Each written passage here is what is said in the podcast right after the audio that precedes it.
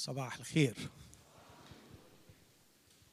كالعادة يفيض قلبي بالشكر للرب لاجله يعطيني هذه الفرصة أن أستمتع معكم بكلمة الله. وأقول الصدق إني أشتاق من قلبي أن أستمع إليه متحدثا إلى قلبي قبل أن يستخدمني أنا متحدثا إليكم.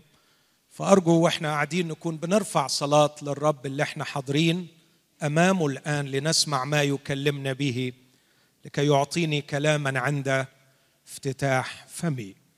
وأرجو أيضا أن نرفع صلاة لأجل إخوتنا في بقاع كثيرة في الأرض يعانون التعب والألم وربما لا يجدون كلمة تعزيهم سوى هذه الكلمة التي تصل إليهم من هذا الاجتماع. دعونا نذكر إخوة لنا في سوريا في اليمن في ليبيا في العراق في فلسطين في أماكن كثيرة في العالم في السودان في إريتريا في إثيوبيا يعيشون على خبز يصل إليهم من هذا الاجتماع. فأرجو أن نحني قلوبنا ورؤوسنا ونرفعهم في صلاه حقيقية كإخوة لنا وكأعضاء في الجسد الواحد أن يعزي الرب قلوبهم شجعهم وأن يذكر بلادنا نحن أيضا. دعونا نستعرض أمام الرب مدنها وقراها حواريها وشوارعها مناطقها العشوائية وأرقى مناطقها. ونقول له يا رب بلادنا محتاجة إليك. محتاجين إلى زيارة جديدة منك في هذه الأيام. تعود وترحمنا. تدوس أثامنا وتطرح في أعماق البحر جميع خطايانا. اغفر لنا كل تقصير في الصلاة واغفر لنا كل تقصير في التشفع والتوسل. من أجل عالم يئن من أجل خليقة تئن ومن أجل شعب أوجدتنا بينه ومنه. لنحمل أثقاله ونصلي من أجله. اسمع يا أبانا من فضلك. صلوات عبيدك في هذا الصباح. وارحمنا في اسم المسيح. آمين. استكمل معكم أحبائي الحديث عن هذه المواضيع التي اخترتها لكيما تشكل عقلنا المسيحي لكي نستطيع أن نتعامل مع الألم نتعامل معه بشكل صحيح. نجيد التعامل مع الألم. ومررت على الله الخالق ومررت على الإنسان الساقط. وحاولت أن أتعلم معكم من سفر التكوين اصح واحد واثنين وثلاثة كيف أن فهمنا للخليقة وفهمنا للسقوط يشكل لنا عقلا مسيحيا يجعلنا نجيد التصرف ونحسن التعامل مع الألم. لكن من المرة السابقة بدأت الحديث عن سلطان الله. وأعتقد أن موضوع سلطان الله في غاية الأهمية أن نفهمه. وإحنا بنرنم دلوقتي خطر على بالي فكر وقلت يا رب هل أنا وإخوتي نصل حقيقة وفعليا لمستوى هذه الترنيمات التي نرنمها؟ هل فعلا يا رب أنا لا أخاف؟ هل فعلا أنا أؤمن بكل قلبي أن قلوب الملوك أو قلب الملك كجداول مياه في يد الرب؟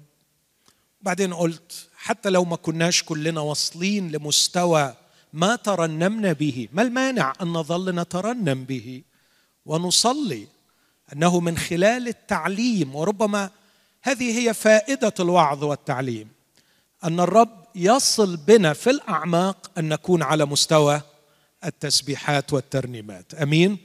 فخلونا ننفتح لتعليم الروح القدس لعل الرب يصل بنا فتكون هذه الترنيمات التي نرنمها هي تعبر حقيقة عن وضعنا ونحن في غرفنا ونحن في بيوتنا ونحن في الشوارع ونحن بعيدا عن هذا المكان. فالتعليم عن سلطان الله في غاية الأهمية وقد ترنمنا عن سلطان الله.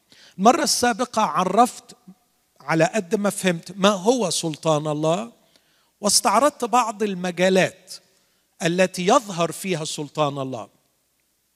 آه سلطان الله يظهر في كل المجالات لكن كانت مجرد إشارات سريعة. هحاول ألخصها بسرعة شديدة علشان نكون بنتابع الفكر لكن المرة دي في هذا الاجتماع والإجتماع القادم هتكلم عن موضوعين مختصين بسلطان الله.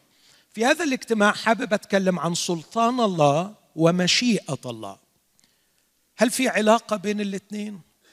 وأحاول أشرح فكرة أعتقد أنها صحيحة. ألخصها في هذه العبارة أن ما يحدث في حياتنا وما يحدث في العالم ليس دائما بحسب مشيئة الله. لكنه حتما ودائما وكلية تحت سلطان الله. أمين؟ واضحة الفكرة اللي عايز أشرحها النهارده؟ ده اللي هحاول أشرحه في هذا الاجتماع. هقولها تاني. ما يحدث في حياتك في حياتك وفي حياتي. وما يحدث في بلدنا. وما يحدث في الأرض وفي العالم. كل ما يحدث ليس دائما بحسب مشيئة الله.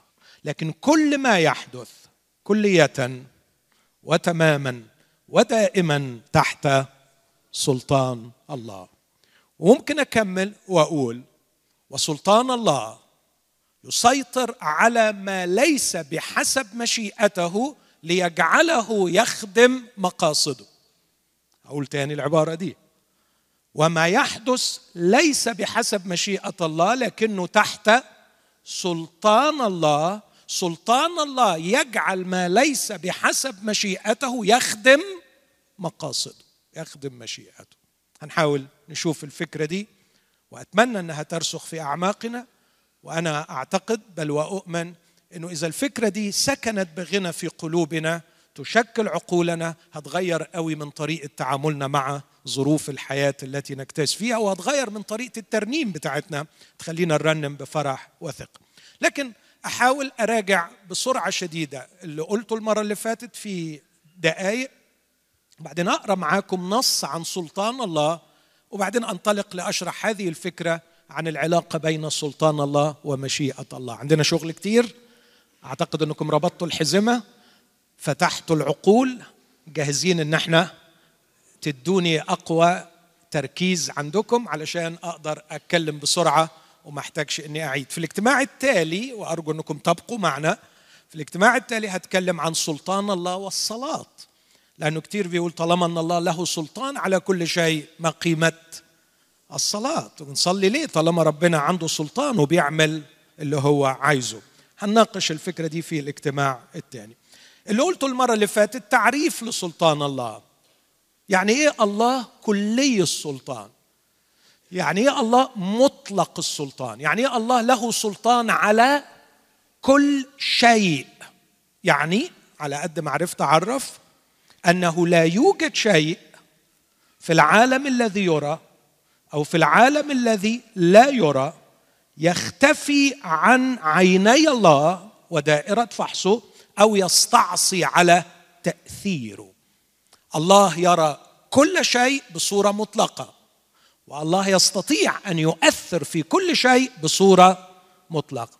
ما فيش حاجة تستخبى ما فيش حاجة يعني آه، تستعصي على الفحص أو تستعصي على التأثير. مفيش حاجة ربنا يجي عندها والحاجة دي تقول له لغاية هنا وتقف. لا هو اللي يقول لكل حاجة لغاية هنا وتقفي لكن مفيش حاجة مخلوقة تقول لربنا أقف وإلا ما يكونش كلي السلطان. هذا هو تعريفي لمعنى أن الله كلي السلطان. الفحص والتأثير كل شيء مكشوف وعريان قدامه الله لا يستحيل عليه شيء. علمت أنك تستطيع كل شيء لا يعصر عليك أمر. لا يوجد أمر يستعصي على يد الله ولا يوجد شيء يختفي عن عيني الله. يعني ما عندوش فكرة العين بصيرة والإيد قصيرة. عنده العين بصيرة شايفة كل حاجة وعنده الإيد طايلة كل حاجة.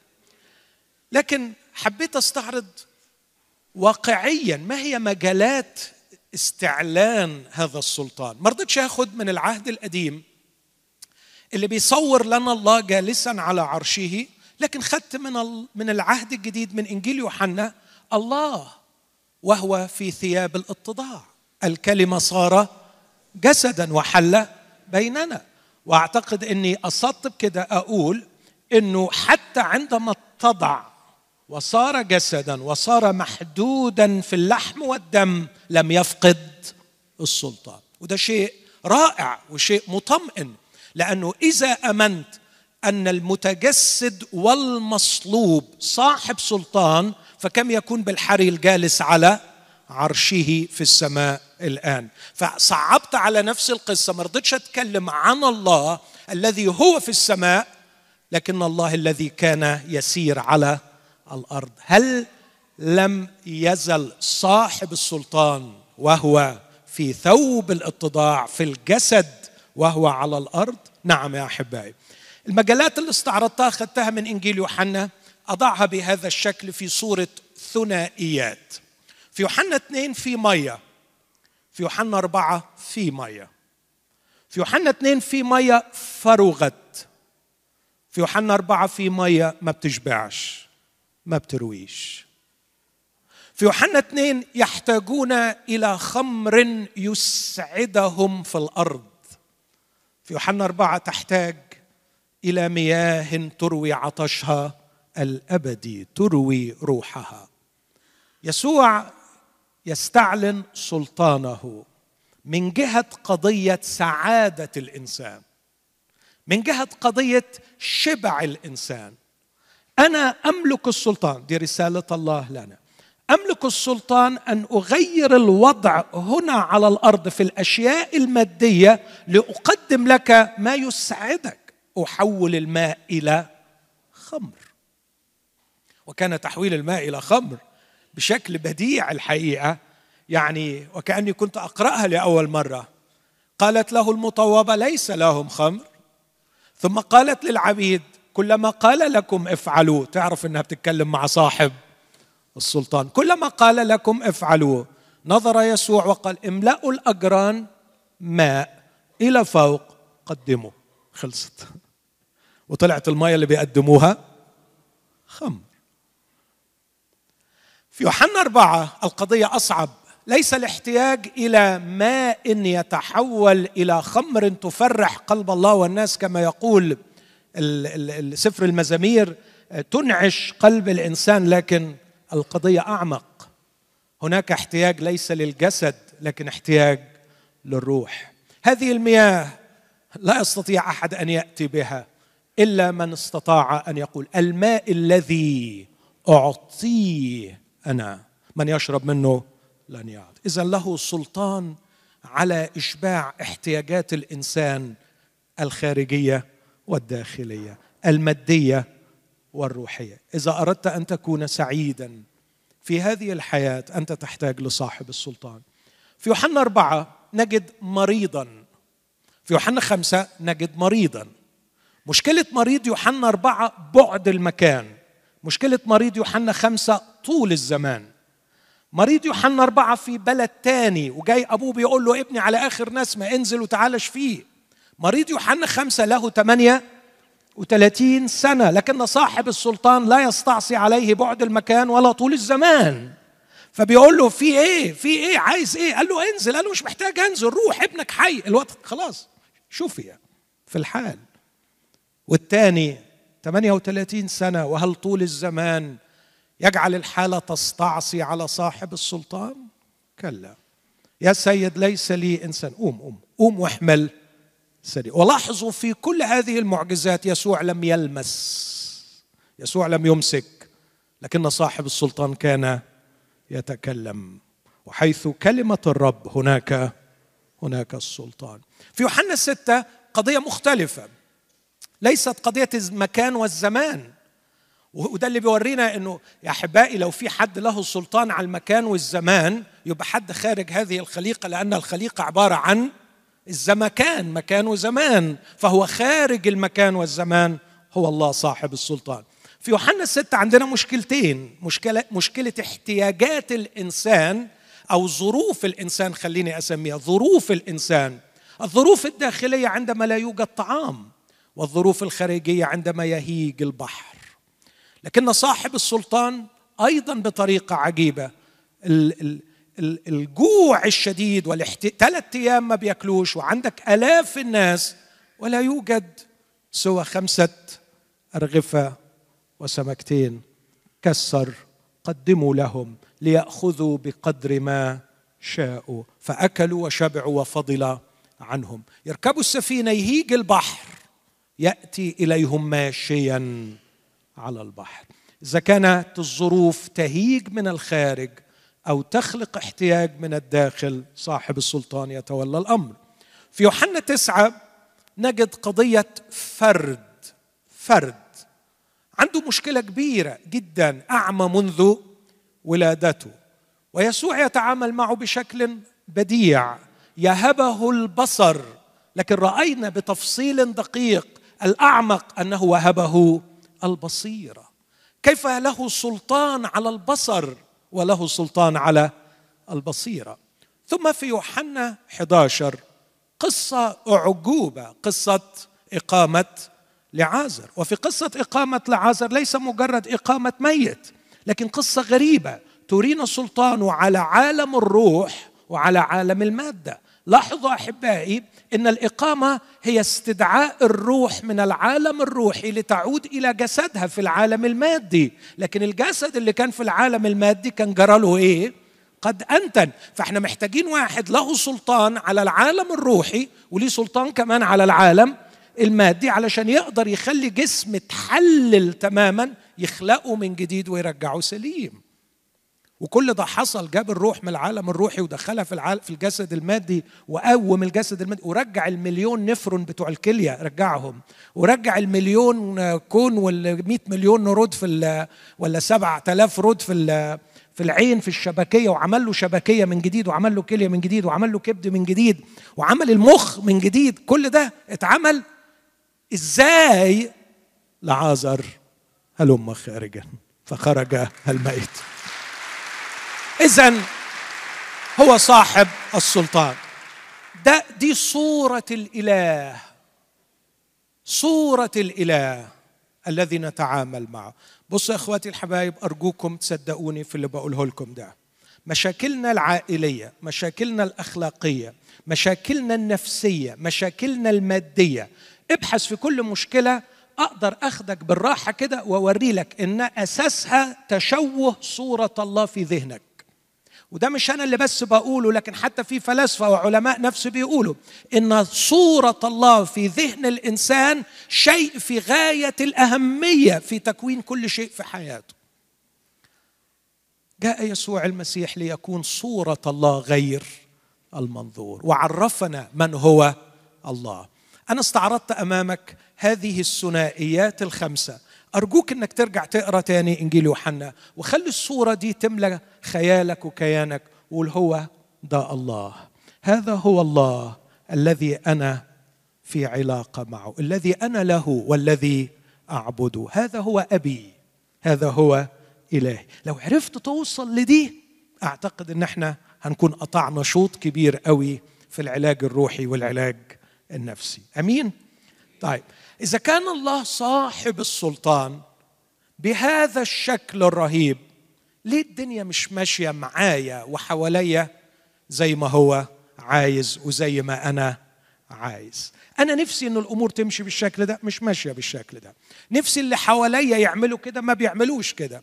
نفسي كمان ربنا يعمل كده ما بلاقوهوش بيعمل كده. ده يخلينا نتكلم شوية عن سلطان الله وعن مشيئة الله. لكن بعد ما نقرأ جزء من كلمة ربنا هقرأ من اماكننا أستأذنكم نقف مع بعض.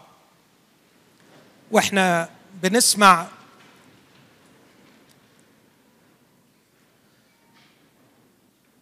هقرأ اولا كلمات امرأة.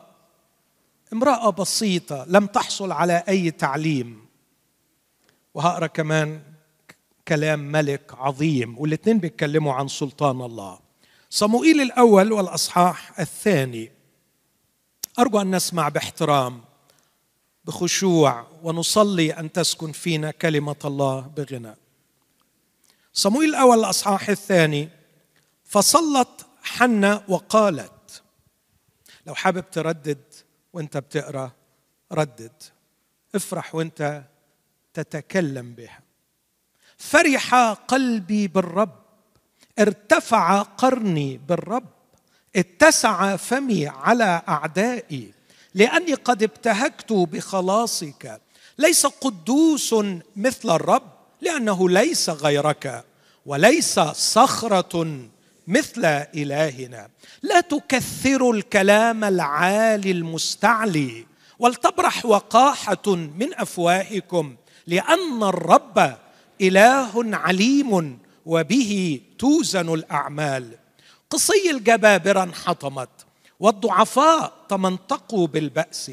الشباعة آجروا أنفسهم بالخبز والجياع كفوا. حتى أن العاقره ولدت سبعة وكثيرة البنين ذبلت. الرب الرب يميت ويحيي يهبط إلى الهاوية ويصعد. الرب يفقر ويغني. يضع ويرفع. يقيم المسكين من التراب. يرفع الفقير من المزبلة للجلوس مع الشرفاء. ويملكهم كرسي المجد. لأن للرب أعمدة الأرض. وقد وضع عليها المسكون.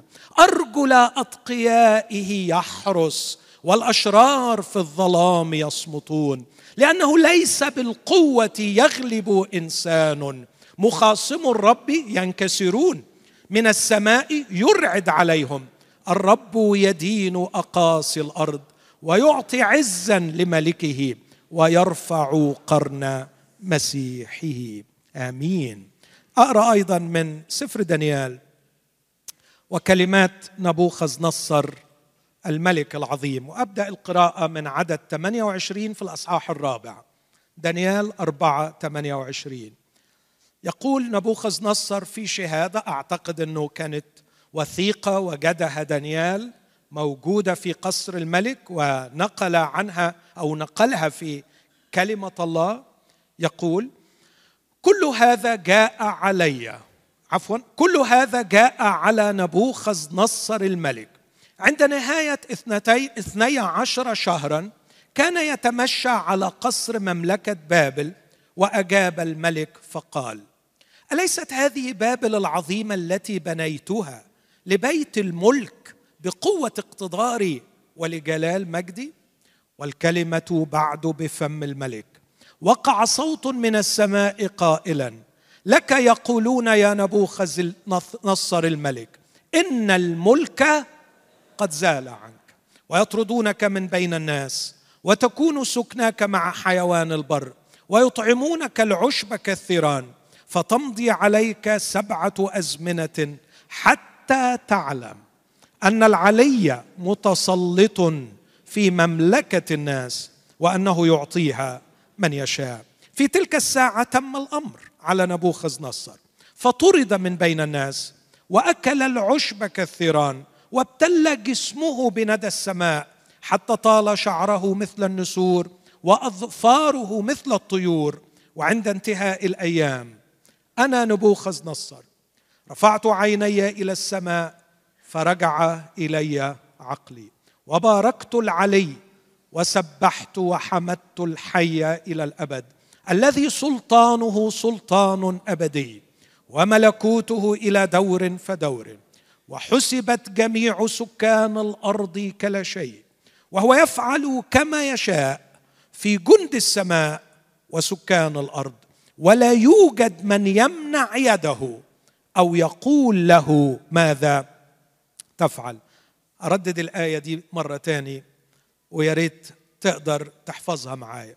هو يفعل كما يشاء في جند السماء وسكان الأرض ولا يوجد من يمنع يده أو يقول له ماذا تفعل. في ذلك الوقت رجع إلي عقلي. وعاد إلي جلال مملكتي ومجدي وبهائي وطلبني مشيري وعظمائي وتثبت على مملكتي وازدادت لي عظمة كثيرة. فالآن أنا نبوخذ نصر توقيع. أنا نبوخذ نصر. أسبح وأعظم وأحمد ملك السماء الذي كل أعماله حق وطرقه عدل ومن يسلك بالكبرياء فهو قادر على أن يذله. هذه هي كلمة الرب. آمين. تفضل استريح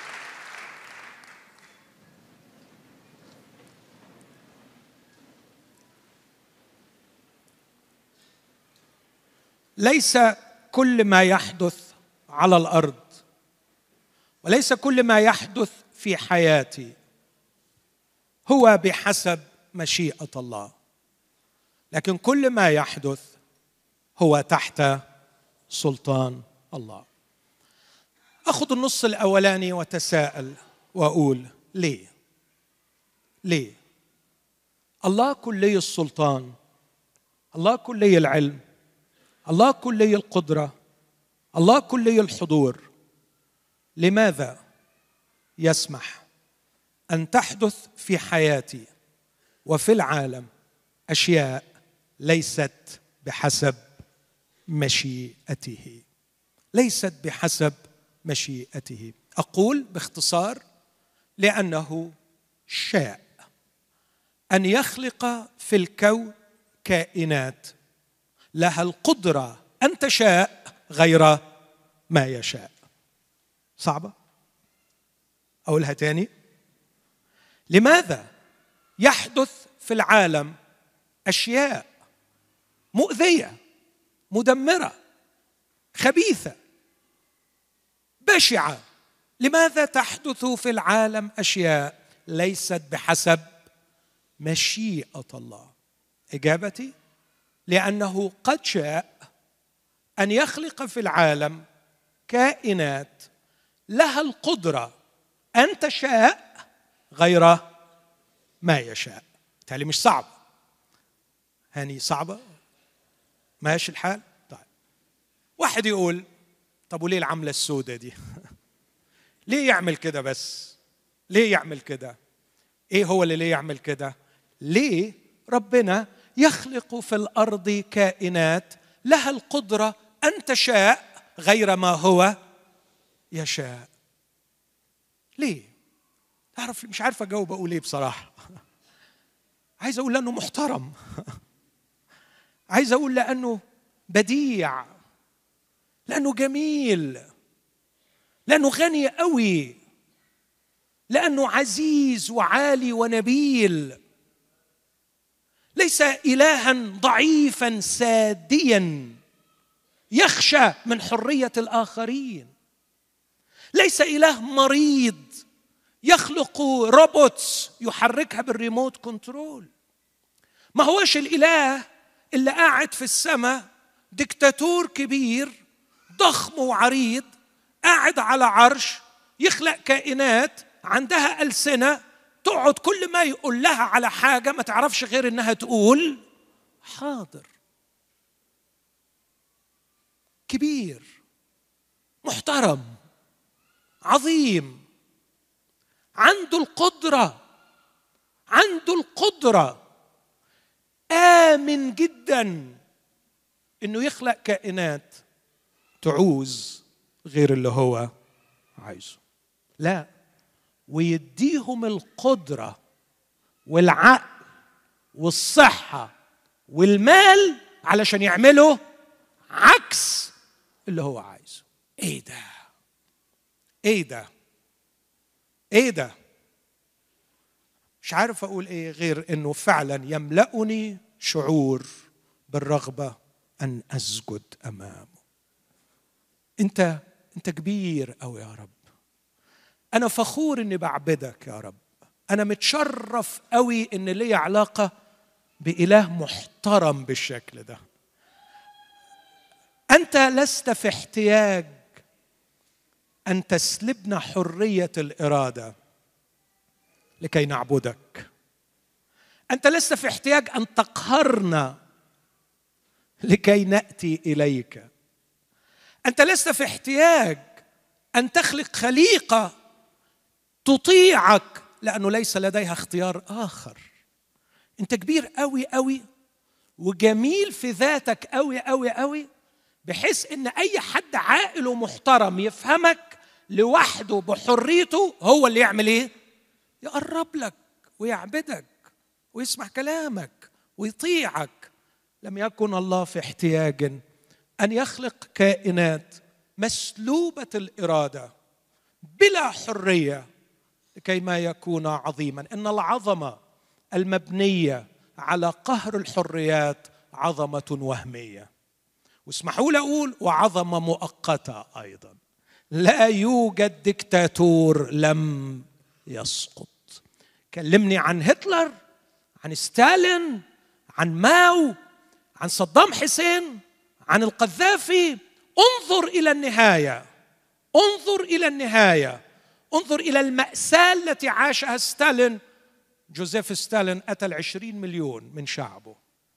ماو قتل حوالي 15 مليون من شعبه صدام حسين قتل ملايين ما أعرفش القذافي قتل كام لكن كما تصف ابنة ستالين مشهد أبيها وهو على فراش الموت كان يصرخ يصرخ يصرخ. وآخر شيء عمله وجه قبضته نحو الله وكأنه يوجه آخر لكمة إلى الله. وتركه الله يوجه هذه اللكمة ثم مات كئيبا تعيسا. ليذهب إلى العذاب الأبدي. لم يسلبه حريته لكنه مات كئيبا في النهاية مات تعيسا حقيرا على فراش الموت. وماذا عن صدام؟ وهم يخرجونه. وماذا عن القذافي وهو في أنبوب المجاري؟ لا يوجد دكتاتور لم يسقط. فالعظمة المبنية على قهر الحرية هي عظمة وهمية. وحاشا لله أن يستمد عظمته ويبني عظمته على أساس سلب حرية الناس. لكن خلي بالك يا ربنا طبعا كلمة غبية اللي أنا بقولها دي. صح؟ آه صح ما تتكسفوش تقولوا كده. أنتوا خدتوا بالكم أنا قلت إيه؟ خلي بالك يا ربنا. بس على فكرة إحنا كلنا بنكررها. خلي بالك هيحصل كذا يعني هنقول له هنقول له عشان هو مش بياخد باله. فنقول بس خلي بالك لو حصل كده هيحصل كده ولو انت عملت كده هيحصل كده يعني كأنه هو. ومرات كتيرة في كلامنا مع ربنا بيبقى تحت يعني هذا العنوان الغبي لا مؤاخذة كأني بقول له إيه أه؟ بس خلي بالك يا ربنا يعني برضو خد خد مني أنا اصل عايش هنا وفاهم المنطقة دي وعارف الدنيا ماشية إزاي. فأنا هدي لك نصيحة برضو علشان يعني يعني تعرف تمشي أمورك فوق عشان أنت فوق بعيد قوي تلاقيك ملخوم في الملائكه اللي عندك فوق. ومش دريان باللي بيحصل هنا فاسمع نصيحتي برضو أنا واحد من أهلها من الحتة هنا يعني. إيه أقول له خلي بالك أصل الحرية اللي أنت هتديها للناس دي هيأذوا بيها روحهم وهيأذوا بيها الآخرين. يقول لي عارف والموضوع ده ألمني جدا وتعبني قوي بس شوف يا حبيبي فاض حبي فخلقت. فاض حبي فخلقت ولا أستطيع إلا أن أخلق ما يتفق مع طبيعتي الصالحة.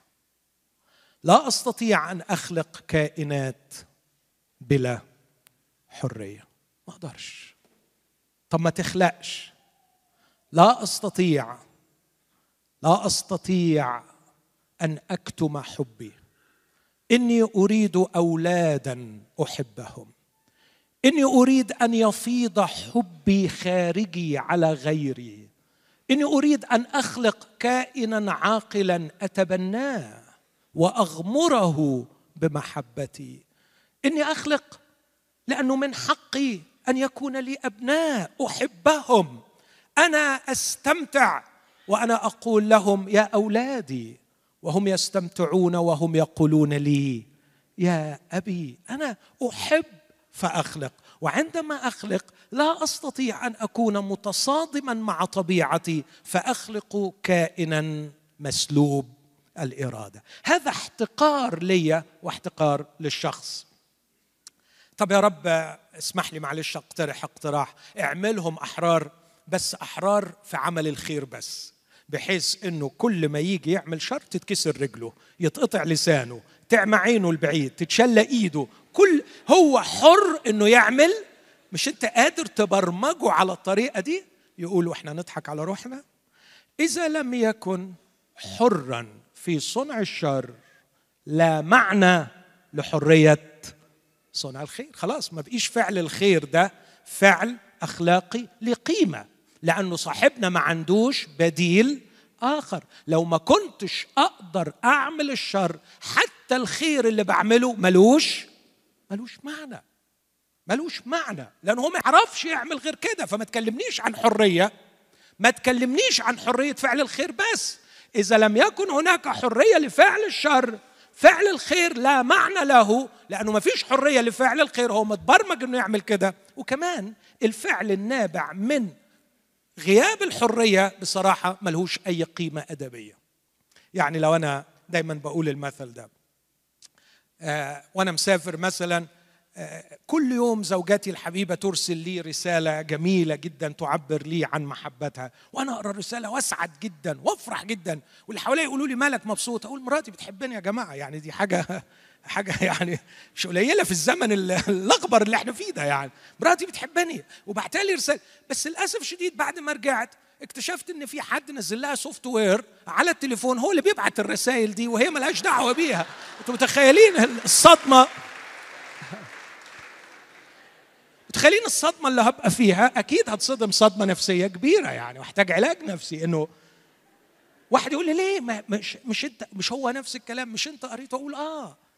بس ده ما كانش بإرادتها ما كانش بحرية هي ما اختارتش تعمله.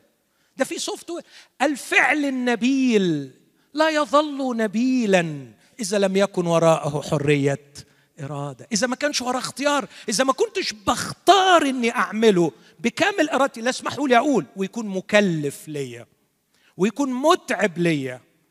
المحبة التي لا تتعب تلعب. هقول تاني المحبة التي لا تتعب تلعب.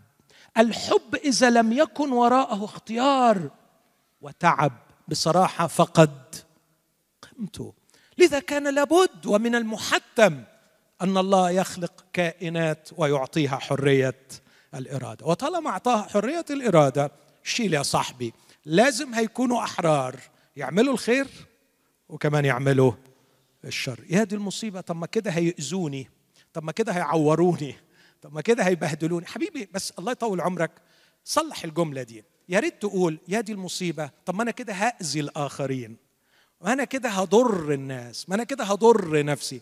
محدش اشتكى من حرية الإرادة إلا وهو بيشتكي من اللي الناس عملوه فيه. ومش فاكر ابدا المصايب السوداء اللي هو عملها في الآخرين. وكأنه هو الوحيد اللي بيستعمل حريته في الخير بس الأغبياء الباقيين هم اللي بيستعملوا حريتهم في فعل الشر. أنا نفسي نفوق من الغبا ده لأنه الحقيقة إذا راجعت حياتي سأجد نفسي ضحية لكن سأجد لي ضحايا أكثر جدا جدا جدا من الذين أساءوا إلي. أرجو أحبائي أن نفكر في هذا الأمر. إن حرية الإرادة جعلتني أنا مؤذيا وليس فقط شخصا يتعرض لأذى الآخرين.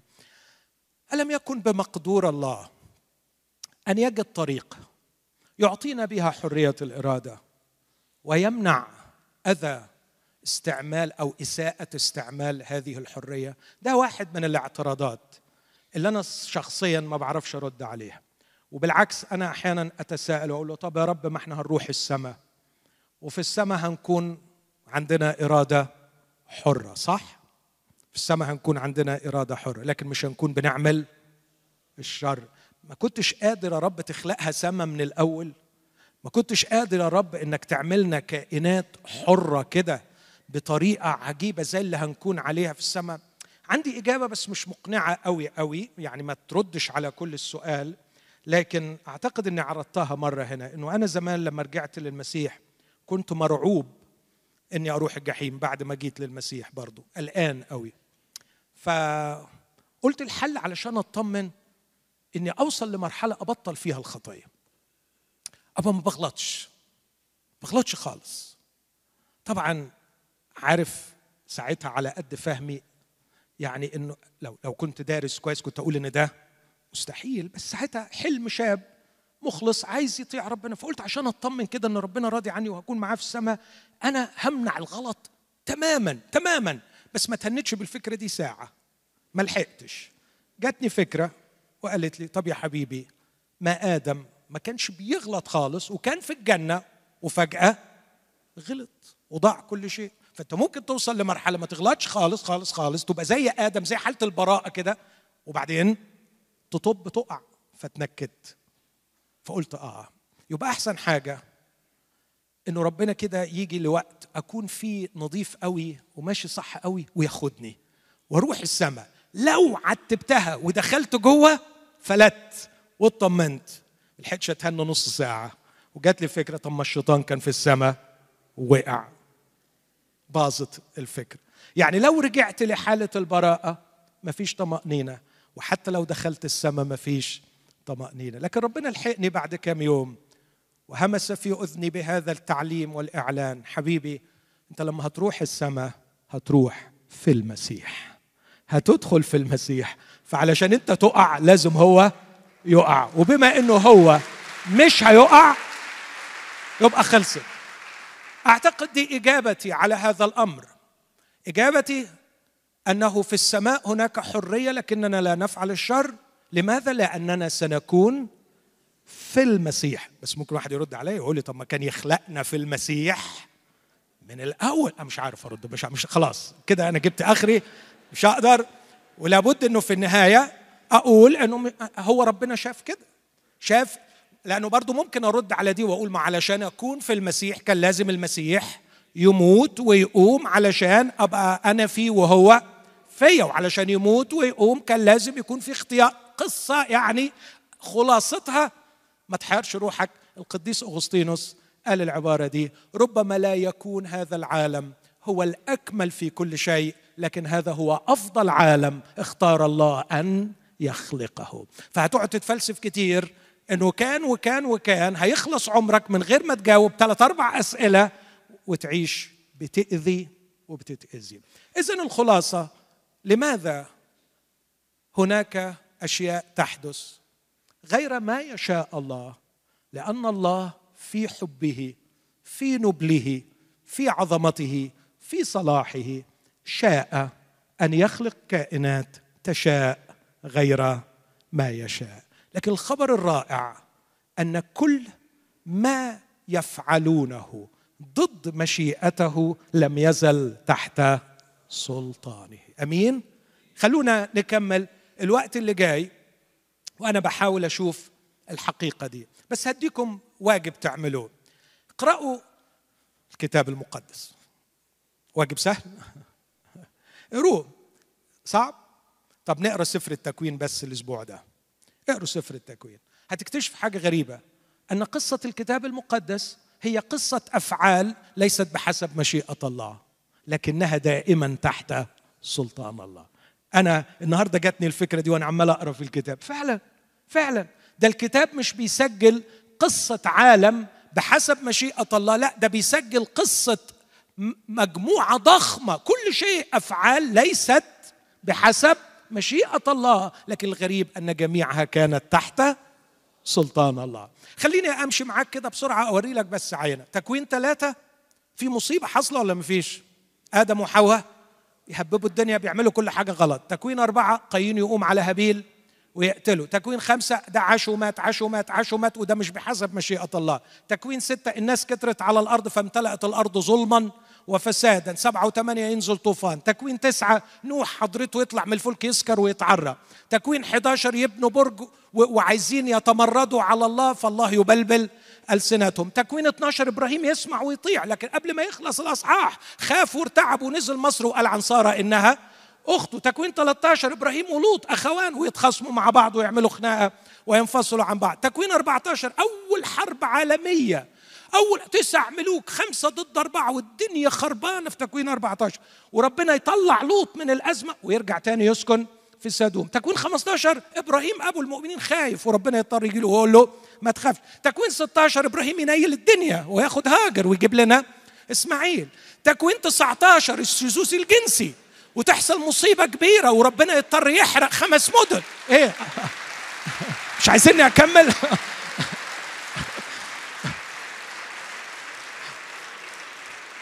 طب أكمل الأول.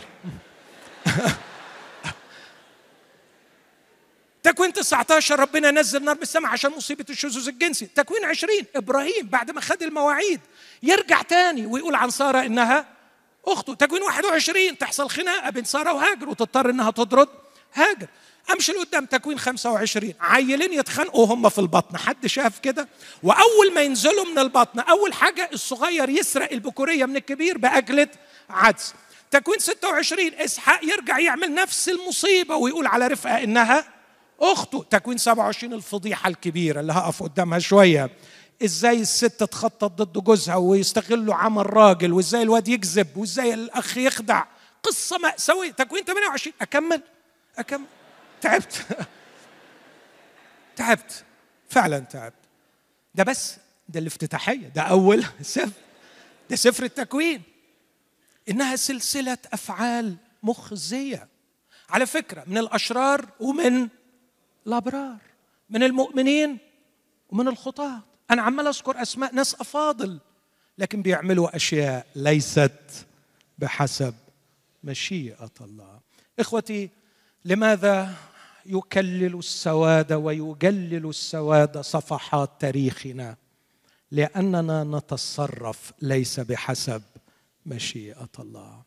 كان بكل رقي وأبوة حانية يقول له يا حبيبي دعني أكون عيناك أنظر لك أعرف لك أرى لك ما هو الخير وما هو الشر. التصق بي يا ابني التصق بي يا حبيبي. عش في حضني فحضني هو مكانك. خلقتك مني لكي تكون دائما عندي. إني صممت حضني ليكون بيتك ومكانك. إني أشتاق إلى أن أضمك. انظر إلى عيناي يا ابني وستجد أن عيناي تنظران لك. تنظران لك الطريق المستقيم.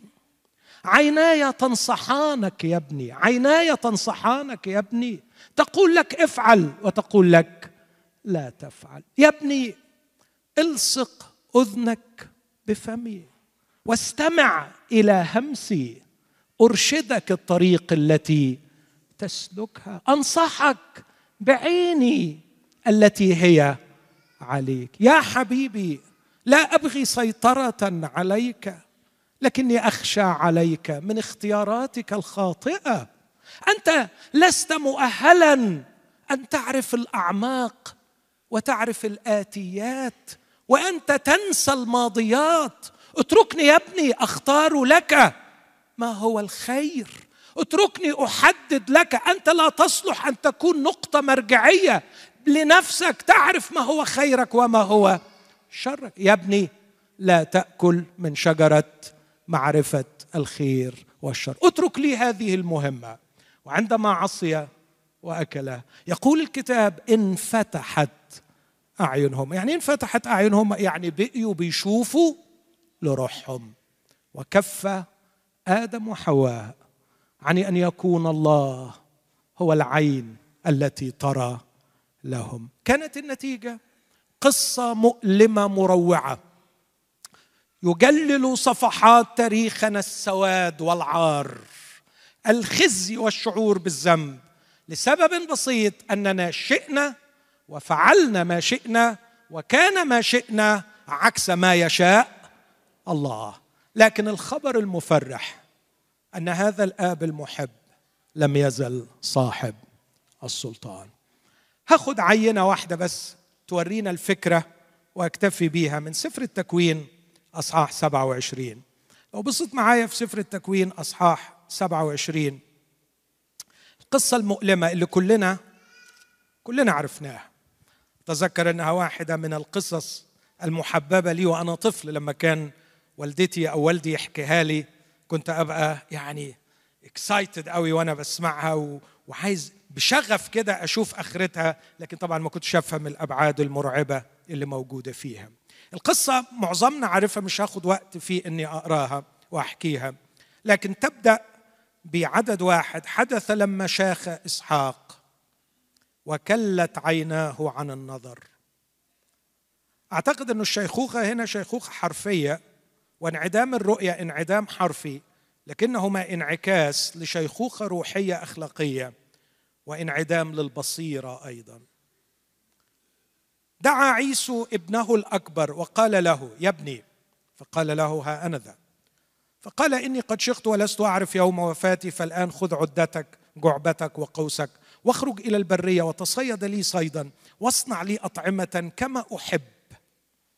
غريبة قوي لسه. يعني بيميز الطعام اللي يتاكل واللي ما يتاكلش.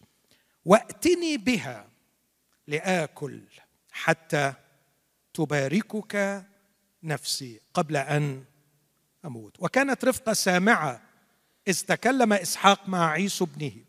فذهب عيسو إلى البرية كي يصطاد صيدا ليأتي به. وأما رفقة فكلمت يعقوب ابنها قائلة إني قد سمعت أباك يكلم عيسو أخاك قائلا ائتني بصيد واصنع لي أطعمة لاكل وأباركك أمام الرب قبل وفاتي.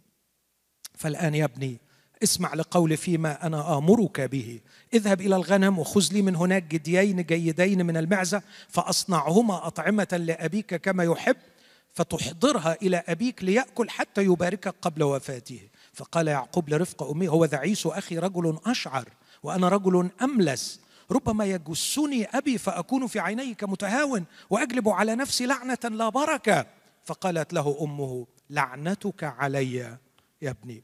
اسمع لقولي فقط واذهب وخذ لي. عدد 18 فدخل إلى أبي وقال يا أبي. فقال ها أنا ذا من أنت يا ابني؟ فقال يعقوب لابي أنا عيسو بكرك. قد فعلت؟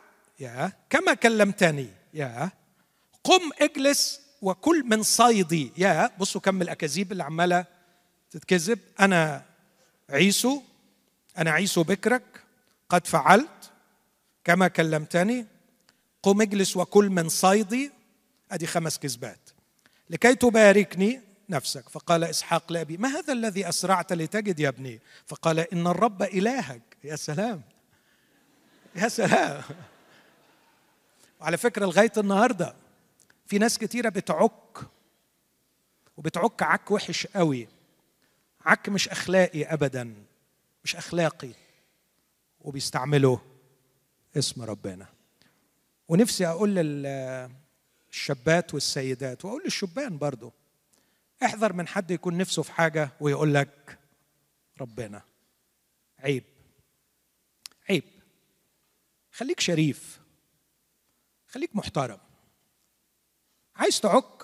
عك. محدش يقدر يمنعك من العك بس عيب قوي إنك تتمحك في ربنا. من فضلك ومن فضلك. خلي في شوية كرامة. أنا يظهر اتنرفز مفيش داعي. خلاص. الرب إلهك قد يسر لي فقال إسحاق ليعقوب تقدم لاجسك يا ابني أأنت هو ابن عيسو أم لا؟ فتقدم يعقوب إلى إسحاق أبيه فجس وقال الصوت صوت يعقوب ولكن اليدين يدا عيسو. ولم يعرفه؟ لأن يديه كانتا مشعرتين كيدي عيسو أخيه فباركه. بس قبل ما يباركه وقال هل أنت هو ابن عيسو؟ فقال أنا هو. فقال قدم لي لآكل من صيد ابني حتى تباركك نفسي. فقدم له فأكل وأحضر له خمرا فشرب. فقال له إسحاق أبوك تقدم وقبلني يا ابني. فتقدم وقبله كان عايز برضه يتأكد. فشم رائحة ثيابه والست الذكيه كانت عاملة حسابها كانت ملبساه هدوم عيسو. فقال رائحة ابني كرائحة حقل قد باركه الرب. فليعطيك الله من ندى السماء ومن دسم الأرض وكثرة حنطة وخمر. اسمع بقى اللي جاي ده مخيف. ليستعبد لك شعوب وتسجد لك قبائل كن سيدا لاخوتك وليسجد لك بنو أمك. ليكن لاعنوك ملعونين ومباركوك مباركين. الكلام ده خطير جدا. البركة اللي نطق بها إسحاق فيها مشكلتين كبار قوي. المشكلة الأولى إنه من يوم ما هم في البطن كان الإعلان واضح إن اللي ربنا اختاره يجي منه النسل. اللي يتبارك فيه جميع قبائل الأرض هو يعقوب وليس عيسى. خدوا بالكم من الحكاية دي يا أحبائي. إبراهيم لما ربنا اختاره وضح له إن أنا مش مختارك عشان سواد عيونك لكن مختارك علشان فيك وفي نسلك تتبارك جميع قبائل الأرض. وبعدين النسل اللي هيجي منك مش هيجي من إسماعيل يا إبراهيم. الموضوع اتأخر اتأخر براحته. بس أنا هجيب نسل منه يأتي المسيح. إبراهيم حب يلف دق اشرب. لكن هتستنى غصبا عنك مين؟ إسحاق عشان هو ده اللي هيجي منه الناس. إسحاق اتجوز متأخر 40 سنة. وقعد 20 سنة ما بيخلفش. وبعدين جم الولدين وهم في البطن جه الإعلان الإلهي كبير يستعبد. لصغير. هو ربنا حر. ربنا حر. اختار إنه يعقوب يجي منه النسل كتير من الناس يقولوا إزاي يقول الكتاب احببت يعقوب وابغضت عيسو؟ أقول لهم إيه المشكلة؟ إزاي يبغض عيسو؟ أقول لهم ما عنديش مشكلة خالص إنه يبغض عيسو. أنا فعلا المشكلة عندي إنه أحب يعقوب. لأنه بصراحة يعقوب ما ابدا. بس عيسو تقدر ببساطة شديدة تلاقي فيه حاجات تخليه يتكره بصراحة لأنه مستبيح وزاني وقصة طويلة شرحها الكتاب المقدس. لكن الله غالبا غالبا لو عايز أقول سبب النعمة إنه بيحب يختار اللي ما يستاهلش واللي ما ينفعش فاختار يعقوب. علشان يجي منه اللي هيبقى لاعنوه ملعونين ومباركوه مباركين لأنه هو ده هو ده الذي سيأتي منه المسيح. أفكركم بحاجة في تكوين 28 ويعقوب طالع لما ظهر له الرب ظهر له سلم والسلم ملائكة الله صاعدة ونازلة على السلم والرب نفسه على رأس السلم. الإعلان ده مش وبس لكن الإعلان ده كان عايز يقول إن هذا النائم عرضة لأي حيوان يفترسه عرضة للصحراء تقتله. هذا النائم تحت رعاية السماء لأن منه سيأتي الشخص اللي هيقف قدام نثنائيل في يوحنا واحد ويقول له هل آمنت لأني قلت لك أني رأيتك تحت التينة؟ سوف ترى أعظم. إيه الأعظم؟ من الآن ترون السماء مفتوحة على ابن الإنسان وملائكة الله صاعدة ونازلة على ابن الإنسان. وكأن الروح القدس كان بيقول لنا من أيام يعقوب إيه قيمة هذا الشخص؟ منه سيأتي المسيح. تصور بقى إن إسحاق عايز يغير الخطة دي وعايز يقلب القصة دي وعايز يختار اختيار غير اللي ربنا اختار وأنا يتهيألي يعني يتهيألي طبعا ده ما جاش في الكتاب وخيال ممكن يكون غلط ما تحاسبنيش عليه أنا مجرد بتخيل يعني. أكيد إسحاق كان راجل ليه شركة مع ربنا. فيعني تخيل مرة بيكلم ربنا يقول له يا رب يعني الواد الصغير طلع مكسور رقبة وسرق البكورية من أخوه. يعني عايز تقول لي إن البكر هيبقى يعقوب؟ معقول؟ بصراحة رب أنا شاكك في ذوقك. الواد عيسو واد يشرف. الواد عيسو كده بص على منظره منظر يفرح. أحمر مشعر. عضلات بيطلع يصطاد وبيعمل أكل. ما حصلش. وجبار وراجل وشهم بصراحة يا رب أنا أشير عليك إنك تغير رأيك وتختار الواد عيسو. عيسو ده ولد جدع هيشرفك. أما يعقوب ده أنا بصراحة كده بيني وبينه حاجات كتيرة مزعلانة. إيه اللي مزعل اولا ابن أمه ابن أمه. طول الوقت قاعد جنب أمه ودي أنا حاجة بصراحة حزة فيا. فأنا مش ميال له كده لأنه ابن أمه. وبعدين كل اللي بيفهم فيه يقعد جنب أمه يطبخ عدس. ده برضه يرضيك. ده اللي يعني يبقى هو ده اللي مبارك ويبارك. يعني أنا أنا اسمع اسمع نصيحتي. دول أولادي وأنا عارفهم. أنا رأيي إنك تختار عيسى. ربنا ما اختارش. وحب إسحاق يلوي دراع ربنا ويبارك عيسو غلط ولا مش غلط؟ غلط. ولاحظ الكلام الأخير. كن سيدا لإخوتك. ده على العكس تماما من الإعلان الإلهي. كبير يستعبد لصغير. أنقل على رفقة. رفقة إيه اللي أنت بتعمليه ده؟ بص للأسف الشديد مع كل احترامي لإسحاق أنا بحبه ورجلي وتاج رأسي بس هو كبر. وأديك شايف. أديك شايف. والسن برضه يعني هنعمل إيه؟ تخيل تخيل عايز يخالف كلام ربنا؟ ما أنا قايله له أنا قايله له إن ربنا قالها لي. كبير يستعبد للصغير طب يرضيك؟ يرضيك يلخبط كل حاجة. لا ما يرضينيش يا مدام رفقة. بس حضرتك هت هتصلحي الموضوع إزاي؟ أنا هقف يعني كده أتفرج على الدنيا وهي بتبوظ وخطة ربنا تبوظ أنا اصلحها له. انت تصلحها له يا رفقة؟ آه أنا اصلحها له. تصلحيها إزاي؟ معلش كذبه تفوت ولا حد يموت. نعمل خطة كده وخدعة. قالت له تعالى أنا سمعت. طبعا كانت فاهمة مش مجرد بركة عادية ده نقل نقل سلطان ونقل شيء خطير. قالت له يا ابني عايز يباركه قبل ما يموت الحق. تعالى أقول لك تعمل إيه. هات لي جديين. وأنا فاهم الواد عيسو بيعمل الأكل إزاي. هعملهم زي ما بيعملوا وألبسك الشعر وهظبطك تمام وأبوك ما بيشوفش الحمد لله وهتدخل وهنخلص الموضوع. يعقوب اترعب. قال لها لألا أبويا يكتشف أكون كمتهاون وبدل ما يبارك يلعن. كانت قوية وعافية بشكل رفقة دي.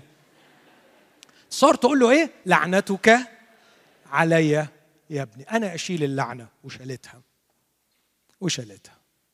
تعال بقى ليعقوب. يعقوب على فكرة كان سنه ستين سنة يوم العملة دي. ستين سنة أو أكتر شوية كمان. يعني ما كانش صغير. يعقوب الكلام ده خطير. يقول لك أنا مش عارف بصراحة طب أنا أعمل إيه؟ أبويا هيعمل غلطة كبيرة. أمي بتقترح اقتراح. أمي عندها وجهة نظر وأبويا بيعك وأنا مش عارف أعمل إيه. طيب يا حبيبي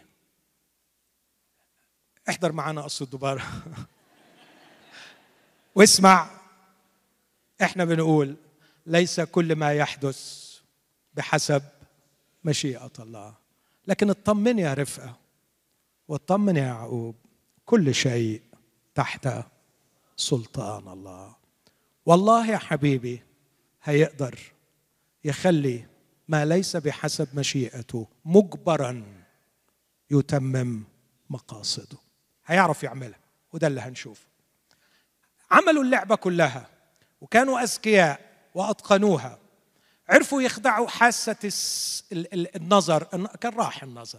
عرفوا يخدعوا حاسة اللمس عملت التذوق عملت له أكل زي ما هو عايز. وخدعوا حاسة اللمس حطت له الشعر. وخدعوا حاسة الشم لبسته هدوم عيسو علشان لما يشموا الحاسة الوحيدة اللي ما اتخدعتش هي حاسة السمع فقال الصوت صوت يعقوب لكن قدر يضغط عليه ويمشي الموضوع.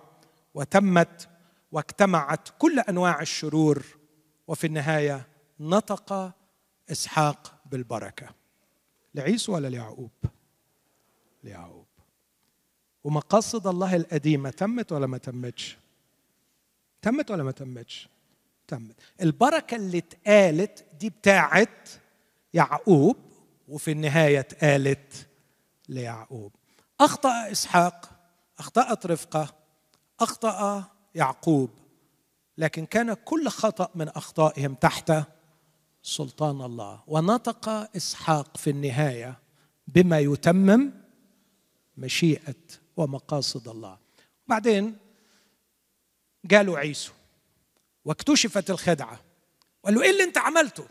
آه لو تقرأ الكلام. بص كده معايا في هذا الأصحاح عدد 32 فقال له إسحاق أبوه من أنت؟ فقال أنا ابنك بكرك عيسو. عدد 33 فارتعد إسحاق. ارتعادا عظيما جدا. وقال فمن هو الذي اصطاد صيدا وأتى به إلي فأكلت من الكل قبل أن تجيء وباركته اسمع اللي بعديها. نعم ويكون مباركا. لقد كنت تحت قوة أعلى مني وسلطان أكبر مني. وفعلت هذا. والآن أنا أرتعد من خيبتي ومن رغبتي لكن ما فعلته هو ما كان يريده الله. باركته ويكون مباركا. فعندما سمع عيسو كلام أبي صرخ صرخة عظيمة ومرة وقال لأبي باركني أنا أيضا يا أبي. قال قد جاء أخوك بمكر وأخذ بركتك. إلى آخر القصة أجاب إسحاق في عدد 27 إني قد جعلته سيدا لك ودفعت إليه جميع إخوته عبيدا. أختم بفكرة في غاية الأهمية. إذا كل المحاولات الشريرة لإفساد مقاصد الله لم تنجح. جرت أحداث ضخمة ليست بحسب مشيئة الله لكن في النهاية كان كل شيء تحت سلطان الله. وتحققت في النهاية كلمة الله كبير يستعبد لصغير. هنا عندنا مشكلتين. هل سلطان الله في استعماله للشر لتحقيق مقاصده يطهر الشر أو يبرر الشرير؟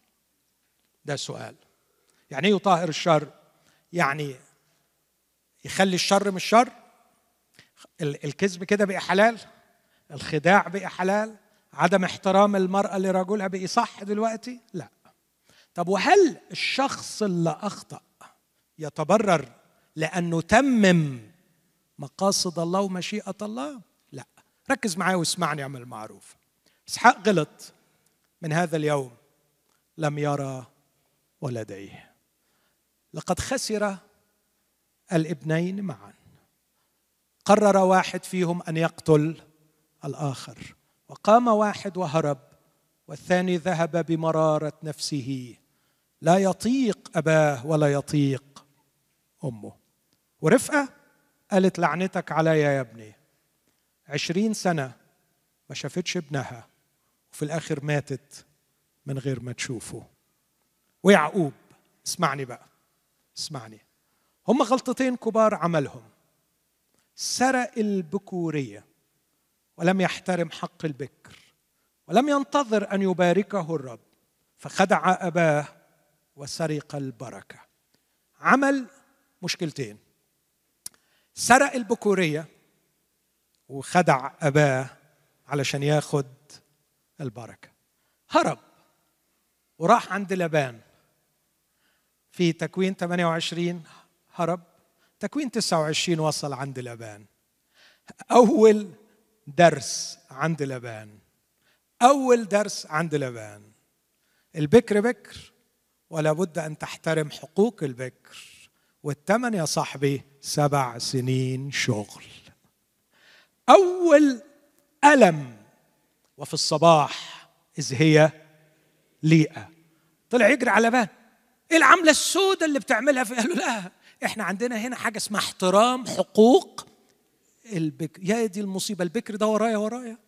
بقى أنا عملت كل اللي عملته. خدع أخاه بطبخة عدس وخد البكورية. اتعلم يحترم حقوق البكر بسبع سنين شغل. سبع سنين شغل. بس لسه لسه اللي جاي أصعب. وكيف أخذت البركة؟ خدع أباه. مش أخاه بقى خدع أباه.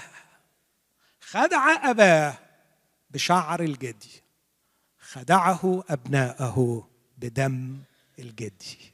صدفة دي؟ صدفة؟ ذبحت له جدي وخدت شعره عشان يخدع أبوه.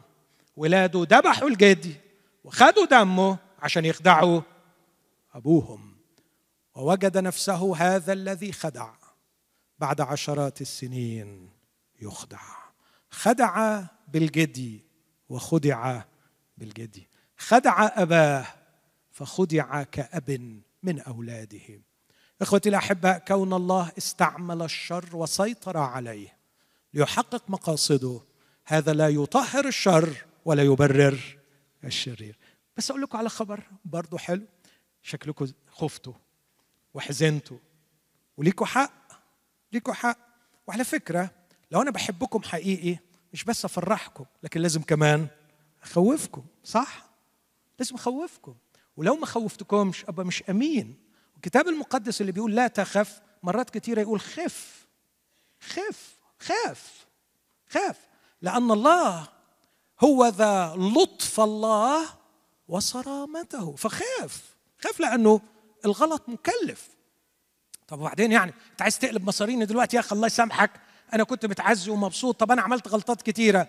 وهحصد حصادها زي ما الناس دول حصدوا. عايز أطمنك. عايز أطمنك.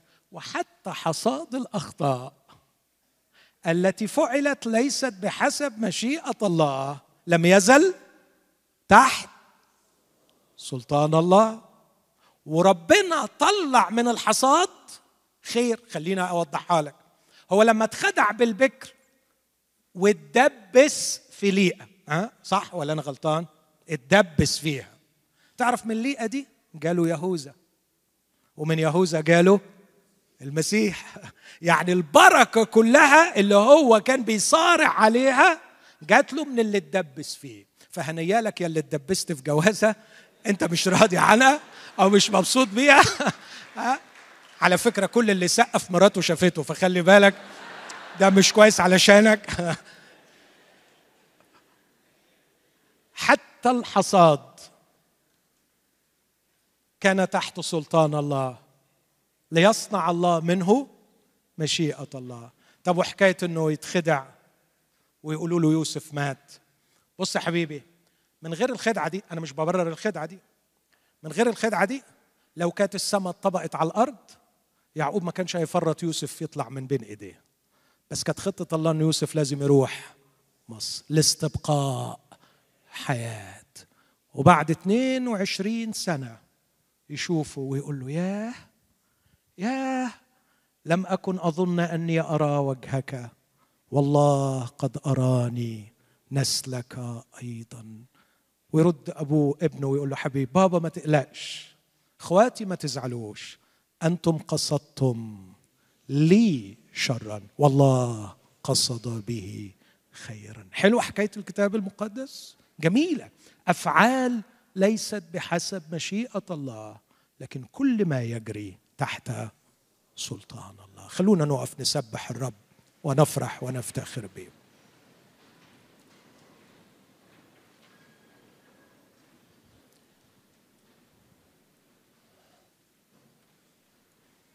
غمض عينك واعطي الروح القدس فرصة. يأخذك إلى العالم الروحي إلى حضرة الله. لندخل بثقة إلى الأقداس. ادي الروح القدس فرصة أن يحملك فتجد نفسك خاشعا. ساجدا أمام الله.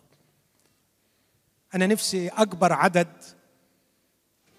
مننا الآن تكون ارواحه ساجدة فعلا. يعني إحنا واقفين لكن نفسي تكون أجسادنا عفوا أرواحنا ساجدة أمام الله. ننحني أمام العرش.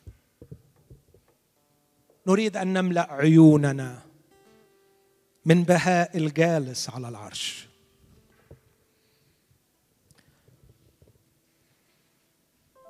نريد أن تنطبع في أعماقنا في الداخل. مشاهد جلال وبهاء صاحب السلطان.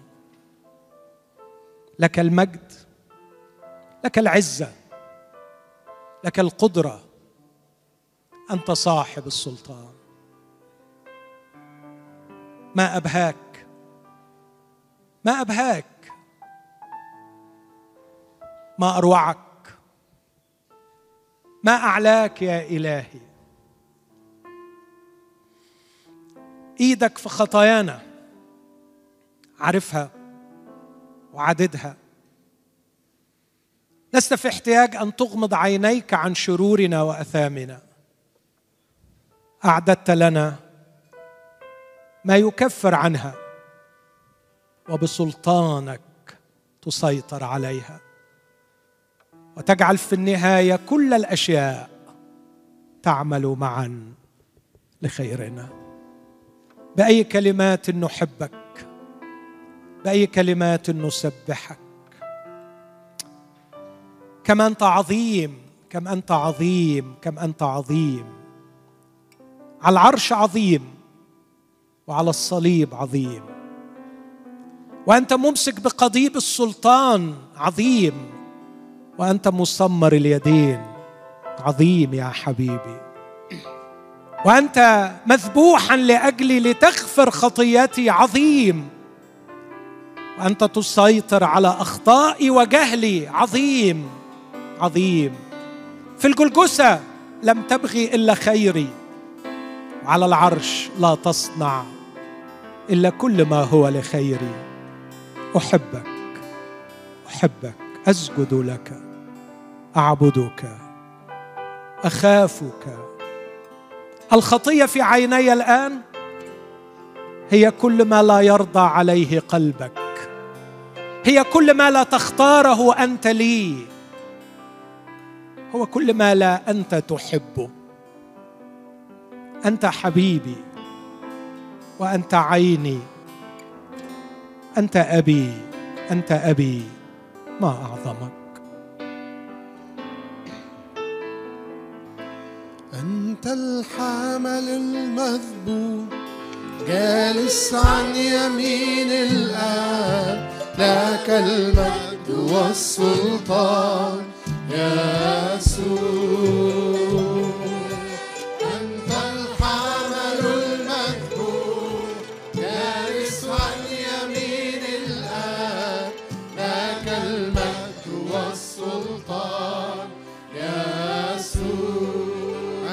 أنت الحمل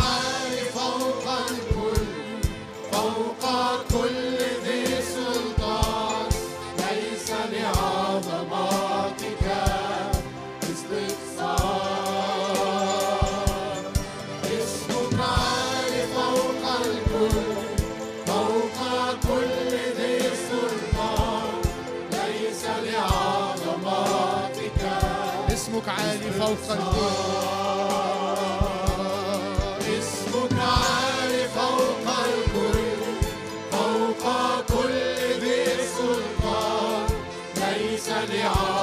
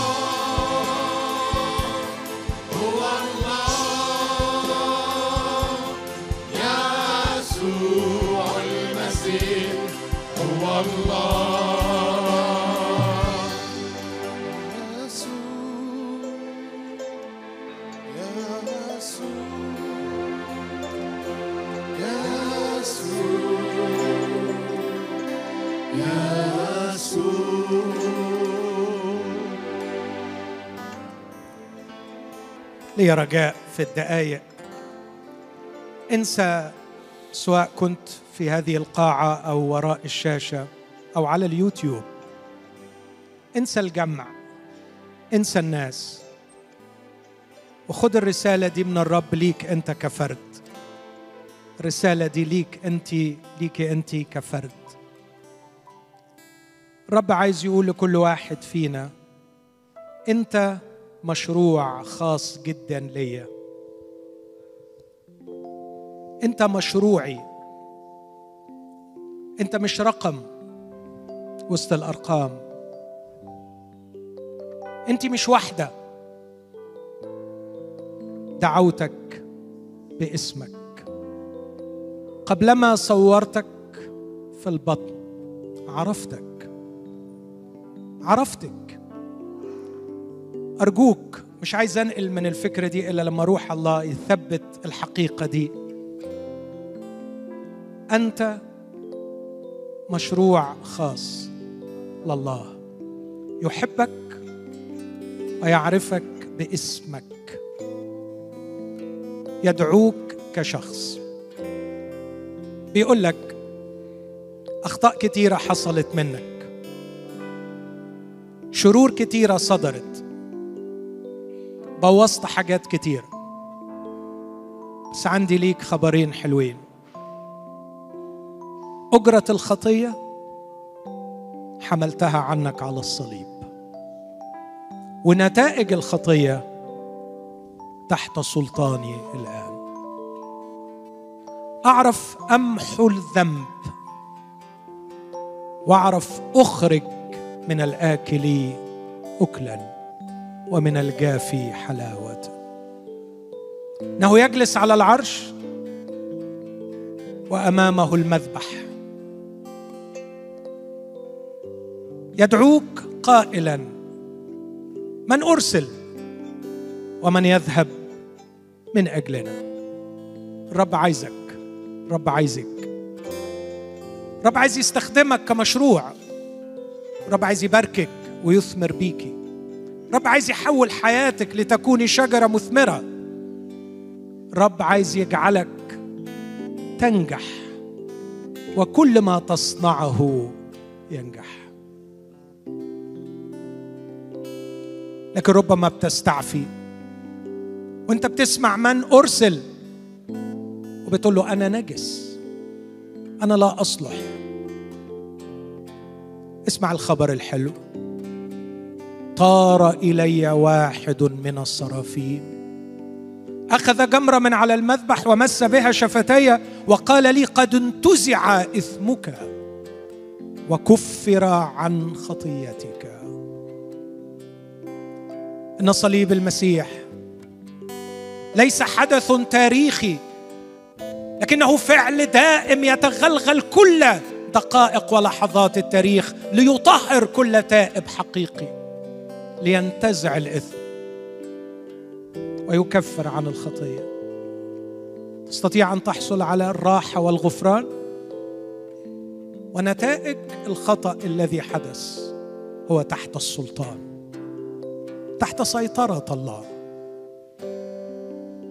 قد نعاني من لسعاته لكننا سنتألم ونحن في حضنه وسيخرج لنا من هذا الحصاد خيرا عظيما. هو صاحب السلطان. تقبل الدعوة دي تقبل الدعوة دي. اقبل اقبل النهارده واخرج كده متغير واخرج واخرج كده شاعر بأنه الجمرة مستك وطهرتك وأن صاحب السلطان حط إيده عليك. ويرجع تاني المصنع اللي قفل يتفتح والمشروع اللي خرب. ينجح وتعود شجرة مغروسة على مجاري المياه تعطي ثمرها في أوانه وورقها لا يذبل. هذه دعوة الرب ورسالة الرب لكل فرد. اقبل بإيمان. واطلع الخطوة دي معاه. وارمي روحك في حضنه ارمي روحك في حضنه وقول له مصدق مصدق الكلام اللي انت بعته لي النهارده. إلهي صخر الدهور لا ينعس لا ينام. قدام